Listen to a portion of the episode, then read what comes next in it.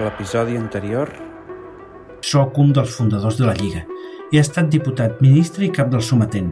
He patrullat per Barcelona pistola en mà, com no podia ser d'altra manera, davant la violència habitual dels anarquistes. I sí, vaig disparar un home, va dir Bertran i Mosito. Però tot això no significa que tingui res a veure amb tot el que està passant avui aquí, en aquest castell. És més, si voleu que ho sigui franc, jo no volia venir. Ha estat la meva dona qui m'hi ha obligat. De sobte, el cardenal Vidal i Barraquer va entrar a la gran sala procedent del lavabo, extremadament nerviós i sufocat. Hauríeu de venir al lavabo. És monstruós. La minyona és morta. Com? va dir Isabel Llorac, aixecant-se de la taula. Però què dius? va dir Paco. La minyona morta? va dir Milans del Bosc, sense entendre res. No pot ser, va exclamar Avelino. Isabel Llorac es va dirigir a la porta sud, l'única que estava oberta, exceptuant la de la cuina. Va recórrer el passadís fins a ser davant del lavabo va girar la vista i ho va veure. Tomasa Saez Oñate, una de les minyones, era morta. El joc de viure, de Magí, Balcells i Balcells. Quart plat. Crema d'ordi. Capítol 10. Tomasa Saez Oñate. Mig quart ben passat de quatre. Sobre la rajola blanca del bany, estirada a terra boca amunt i amb els braços estesos, la minyona restava immòbil amb els ulls tancats, el cap girat a l'esquerra i la boca torta i oberta. Destacava, sobre el seu rostre pàl·lid, la brillantor típica de la sua en el front i en les ungles i la boca un color entre blau i púrpura que feia estremir. Finalment, per acabar de contemplar la macabra vista, un estrany líquid que semblava una barreja de moc i espuma li sortia de la boca i descendia per la galta fins a arribar a terra. No pot ser! va exclamar Isabel Llorac. Què ha passat? va dir Milans del Bosc, tot entrant al bany. Isabel Llorac va assenyalar el braç esquerre de la minyona i va dir «Sobredosi». Sobre el braç esquerre de la noia penjava una xeringa que enfonsava l'agulla a la vena i que deixava clar quin era el motiu d'aquella trosa estampa. «Però es punxava?» va preguntar Joan Antoni Güell, tot entrant mentre Isabel Llorac s'agenollava i li prenia el pols. «Feia molt temps que no», va dir Lluïsa Llorac des de la porta. «Té pols?» Va preguntar Milans del Bosc. La senyora Isabel, passats uns instants, va deixar el canell de la noia. Va mirar Milans del Bosc i li va respondre. És morta. Hòstia puta! Se li va escapar a Belino, mentre li regalimava una llàgrima. No pot ser, va dir Milans del Bosc. Però, però, però com collons? Al moment, un a un, els comensals van començar a arribar per observar l'escena. Malgrat que molts no la coneixien de res, aquell fet, sumat a la situació que patien al castell, va ser la gota que va fer vessar el got, i els planys i els crits van començar a ressonar per a tot el castell. La marquesa de Montsolís s'abraçava al seu marit tot plorant. Anna Jove i Peix tenia dificultat per respirar. Les minyones ploraven llàgrimes a raig.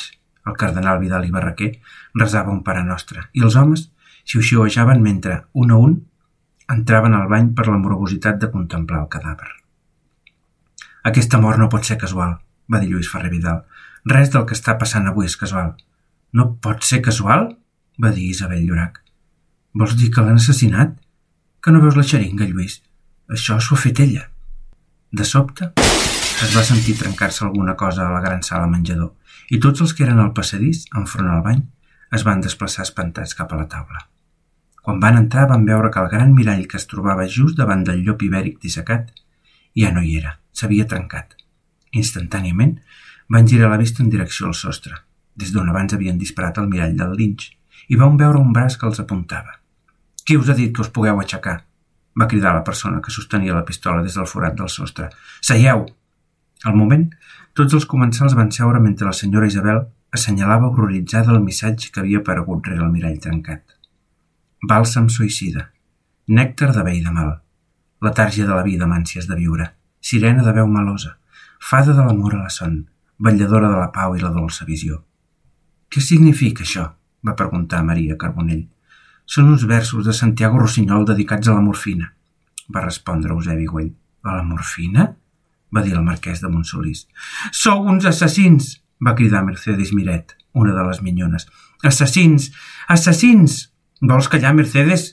li va dir Paco. Avisa la Niceta i recolliu tot aquest escampall de miralls. És perillós. Assassins!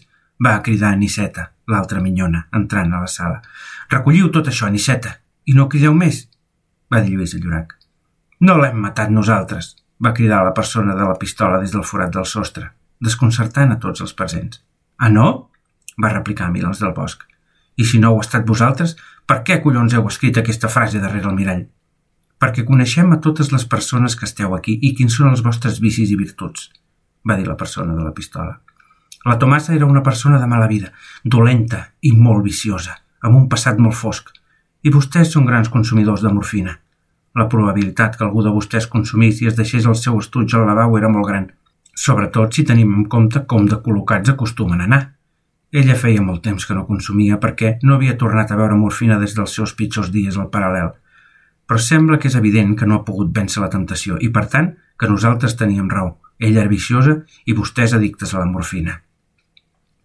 Des que la morfina va ser sintetitzada a principis del segle XIX, es va convertir en la substància preferida pels metges per tractar gran nombre d'afeccions, sobretot des de la invenció de l'agulla hipodèrmica el 1855, mitjançant la qual es podia injectar directament a la vena i apaivagar el dolor produït per nombroses malalties amb molta efectivitat.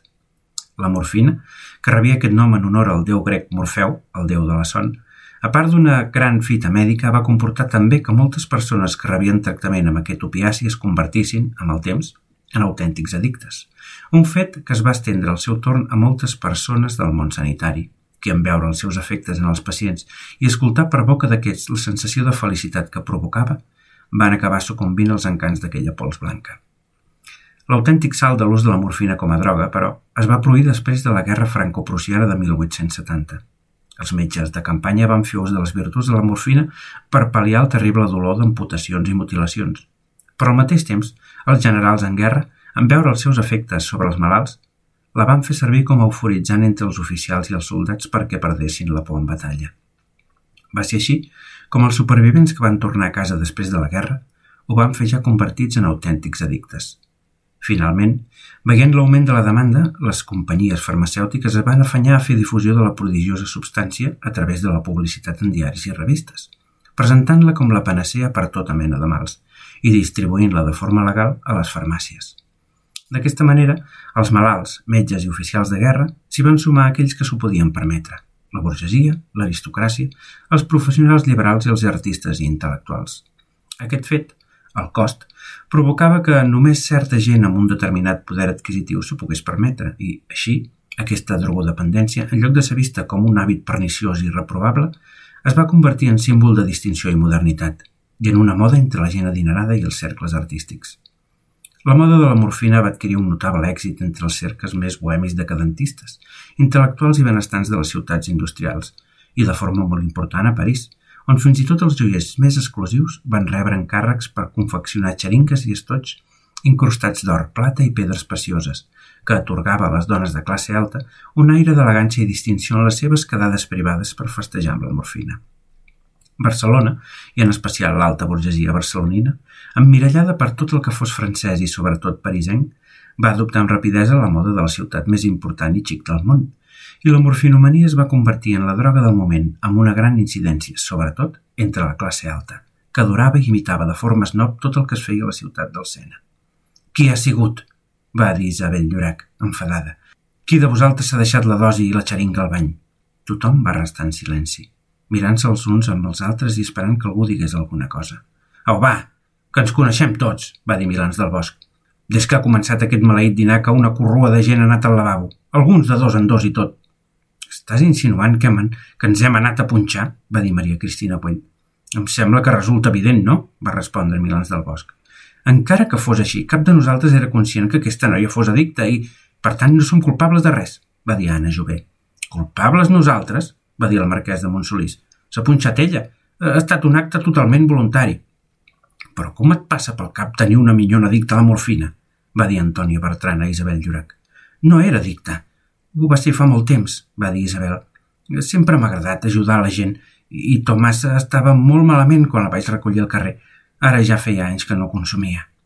Addicta i prostituta, va deixar anar Milans del Bosc. I tu com ho saps, això? li va replicar Isabel Llorac. Tomasa Sae Doñate havia nascut el 1895 al Retamalejo, a Múrcia, en el si d'una família de camperols.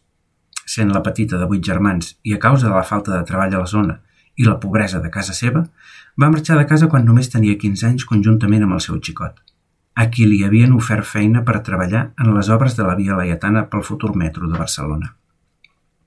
A la ciutat comtal es van instal·lar en un petit pis rellogat de la Barceloneta el 1909 i ella va entrar treballant al servei d'una casa propera a l'estació de França, fins que el seu xicot va morir en un accident laboral per l'enderrocament d'una part del túnel el 1913 i la noia va quedar sola. Ho sé perquè quan vaig ser capità general de Catalunya la noia va estar vinculada en una trama de prostitució al carrer, va dir Milans del Bosc. Ja, va dir Isabel amb sorna. Què vols dir? va replicar Milans del Bosc. Què estàs insinuando, Isabel? va dir Maria Teresa Núñez del Pino. Nada, va respondre ell amb sequedat. Era prostituta de carrer? va preguntar Anna Jové. Sí, però abans d'això havia estat la més famosa prostituta del Madame Petit, va dir Isabel Llorac. Del Madame Petit? De veritat? va preguntar Lluís Ferrer Vidal, alhora que alguns dels comensals masculins entenien per què aquella noia el resultava tan familiar. Ella va venir de Múrcia molt jove amb el seu nòvio, explicava Isabel Llorac, davant l'atenta mirada de tots.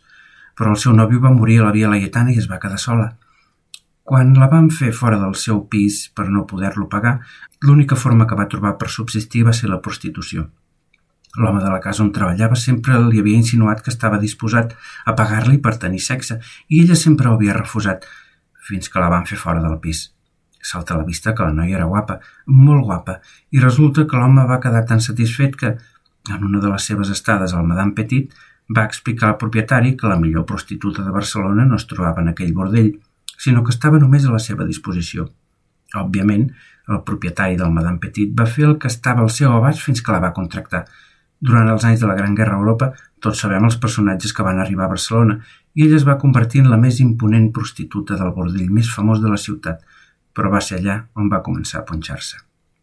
El Madame Petit, el prostíbul més car i famós de Barcelona, s'havia fundat durant l'exposició universal de 1888, però la seva època daurada es va produir a partir de 1914, amb la Gran Guerra i els enormes beneficis i personatges que van arribar a la ciutat. El bordell es trobava al carrer Arc del Teatre número 6, molt proper a les Rambles, i ocupava tots els pisos de la finca. Era immens. S'hi accedia a través d'una portalada il·luminada amb un cartell lluminós que deia «Petit». Un cop s'entrava, abans de pujar al saló principal, opulent i elegant, calia passar per caixa, on per cinc pessetes donaven una fitxa, com si fos un casino, que equivalia a un servei complet. Els de modesta butxaca feina tenien per aconseguir una fitxa, però els més adinerats compraven les fitxes de 5 en 5 podent-se permetre amenatge a orgies o tot el que desitgessin.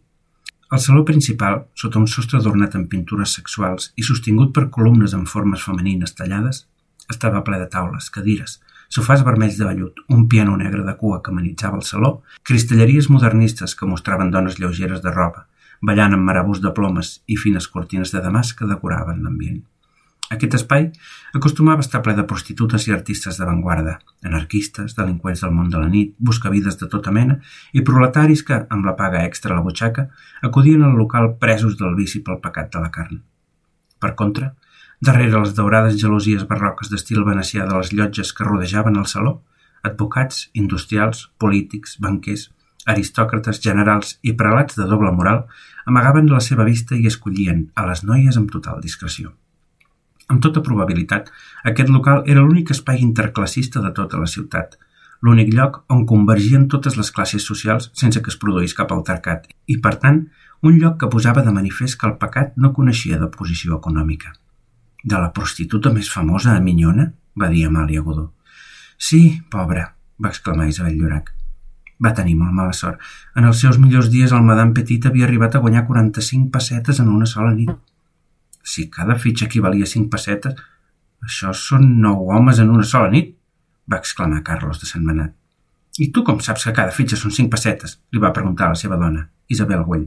Ho sap tot Barcelona, Isabelita, va respondre ell. Les fitxes del Madame Petit són conegudes a tota la ciutat. A l'alba, quan sortia el sol, les prostitutes passaven per caixa i intercanviaven les fitxes per diners, va dir Isabel Llorac. Però per cada fitxa no els hi donaven cinc pessetes, el propietari es quedava una substanciosa comissió. Llavors són més de nou serveis? va preguntar Edith de Llaurador, esquerrifada. Hi havia determinats serveis que requerien més d'una fitxa, va dir Isabel Llorac. Com el polvo amb àngelus, no? va dir Anna Jové, la vídua de Girona, amb sorna. El polvo amb àngelus? va preguntar-li la seva cosina Consuelo Jové. Au, va, no sabeu què és? Va preguntar Anna Jové, alhora que la majoria sentia tot fent una rialla. Jo no sé què és, va dir Consuelo Jové. Segons diuen, és un dels serveis més estranys, però alhora dels més sol·licitats del Madame Petit, explicava Anna Jové, la vídua de Girona. Es veu que pagant un extra, mentre un està fent el coit, entra, entra una noia amb una ovella i, i just quan s'està a punt d'arribar al clímax, l'animal eh, treu la seva llengua i... I què? va preguntar Consuelo Jové. Doncs que l'ovella llepa l'anus del subjecte en qüestió amb la seva resposa llengua, va dir Anna Jové. Quin fàstic! va exclamar Consuelo Jové. La gent està malalta. Els que ho han provat diuen que van veure les estrelles, va dir Anna Jové. La fama del Madame Petit, a part dels físics impressionants i captivadors de les prostitutes, de les comoditats del local i de la higiene, s'havia forjat sobre la base de trencar amb tots els tabús sexuals. Al Madame Petit es podien satisfer totes les fantasies per estranyes que fossin. Així, existia l'habitació superespecial per orgies, que constava d'un llit rodó immens amb capacitat per a 12 persones. L'habitació de necròfils, amb espelmes i un llit taüt, disfresses de tota mena pel joc de canvi de rols i roba de cuir i tota mena d'instruments pel càstig per practicar el sadomasoquisme. D'aquesta manera, a part de ser un espai interclassista, era també un espai de tolerància indiscutible, ja que molts dels que hi assistien, si bé al carrer eren racistes declarats o gent de missa que defensava que només hi podia haver sexe dins el matrimoni i entre home i dona, un cop al Madame Petit, deixaven la seva moral a un cantó i no tenien cap mena de pudor per jaure amb cubanes de pell negra, musulmanes, asiàtiques, homes, persones transexuals o fins i tot pagar per ser sodomitzats, inclús per animals. Menuda guarrada. Podemos dejar los chismorreos aparte y seguir con lo que es relevante, por favor, va dir Maria Teresa Núñez del Pino. Però has dit que la vas recollir al carrer? va afirmar Amàlia Godó. Com va passar del Madame Petit al carrer? El Madame Petit es va enganxar a la morfina, explicava Isabel Llorac. Durant un temps no va tenir problema perquè es podia pagar les dosis, però va arribar un moment que en lloc de demanar la fitxa al Madame Petit als clients, intercanviava sexe per morfina. Quan el propietari del local va veure que la noia ja no portava fitxes a la caixa, la va fer fora. Enganxada i sense feina, el Madame Petit va començar a exercir la prostitució al carrer, darrere les tres xamaneies, a l'espai que queda entre el carrer Vilà i Vilà, Cabanes i el Paral·lel, al mateix lloc on acabaven les exartistes dels cafè-concerts i les cabareteres velles. Allà va estar quasi dos anys, fins que un dia, per pura casualitat, quan jo sortia amb uns amics del Pompeia, la vam trobar inconscient sobre la vorera. La vam carregar al cotxe i la vam portar a casa meva, on vaig aconseguir que es desintoxiqués i on va començar a treballar al servei. D'això ja en fa quatre anys. Una llàgrima de pena i dolor se li va escapar i es va posar les mans a la cara mentre començava a plorar. Disculpin, senyors, va dir Avelino, entrant a la gran sala menjador. El cuiner m'avisa que el següent plat està a punt. Volen que el servim? Sí, sí, Avelino, va dir Milans del Bosc. No podem perdre més temps. Hi ha una dona morta al lavabo, va cridar Isabel Llorac. No podem continuar com si res. I què vols que fem? va dir Milans del Bosc, enfadat. Aquí hi ha un dit del meu fill. Estem captius en aquest castell i hi ha dues persones amb pistoles que ens diuen que tot això no acabarà fins que no ens ho hagin menjat i begut tot. Hi ha una morta, va cridar Isabel Llorac fora de si. Hauríem de procedir a l'aixecament del cadàver. I com ens posem en contacte amb el jutjat? va dir Paco. Estem atrapats i no tenim telèfon ni electricitat. I encara que en tinguéssim, això no pot sortir d'aquí, va dir Bertran i Mosito. Com dius? va dir Consuelo Jové. No se'ns pot relacionar amb cap mort per sobredosi, va afirmar Bertran i Mosito. Creieu convenient que es filtri a la premsa que una noia que era prostituta ha mort de sobredosi fent de minyona mentre servia en un banquet on era present l'èlit del país? De veritat? A la premsa no sortirà res, va dir el comte de Godó. Us ho garanteixo. En Pepe té raó, va dir Carlos de Sant Manat. No ens podem arriscar. Ningú més dels que som aquí ha de tenir notícia de la mort. Però què dieu? Esteu bojos? va exclamar Isabel Llorac. I què fem amb el cadàver? va preguntar Arnaldo de Mercader. Si tot això acaba bé, ens encarregarem de donar-li sepultura cristiana discretament. Tinc contactes que la poden passar per una morta d'hospital, va dir un dels comensals.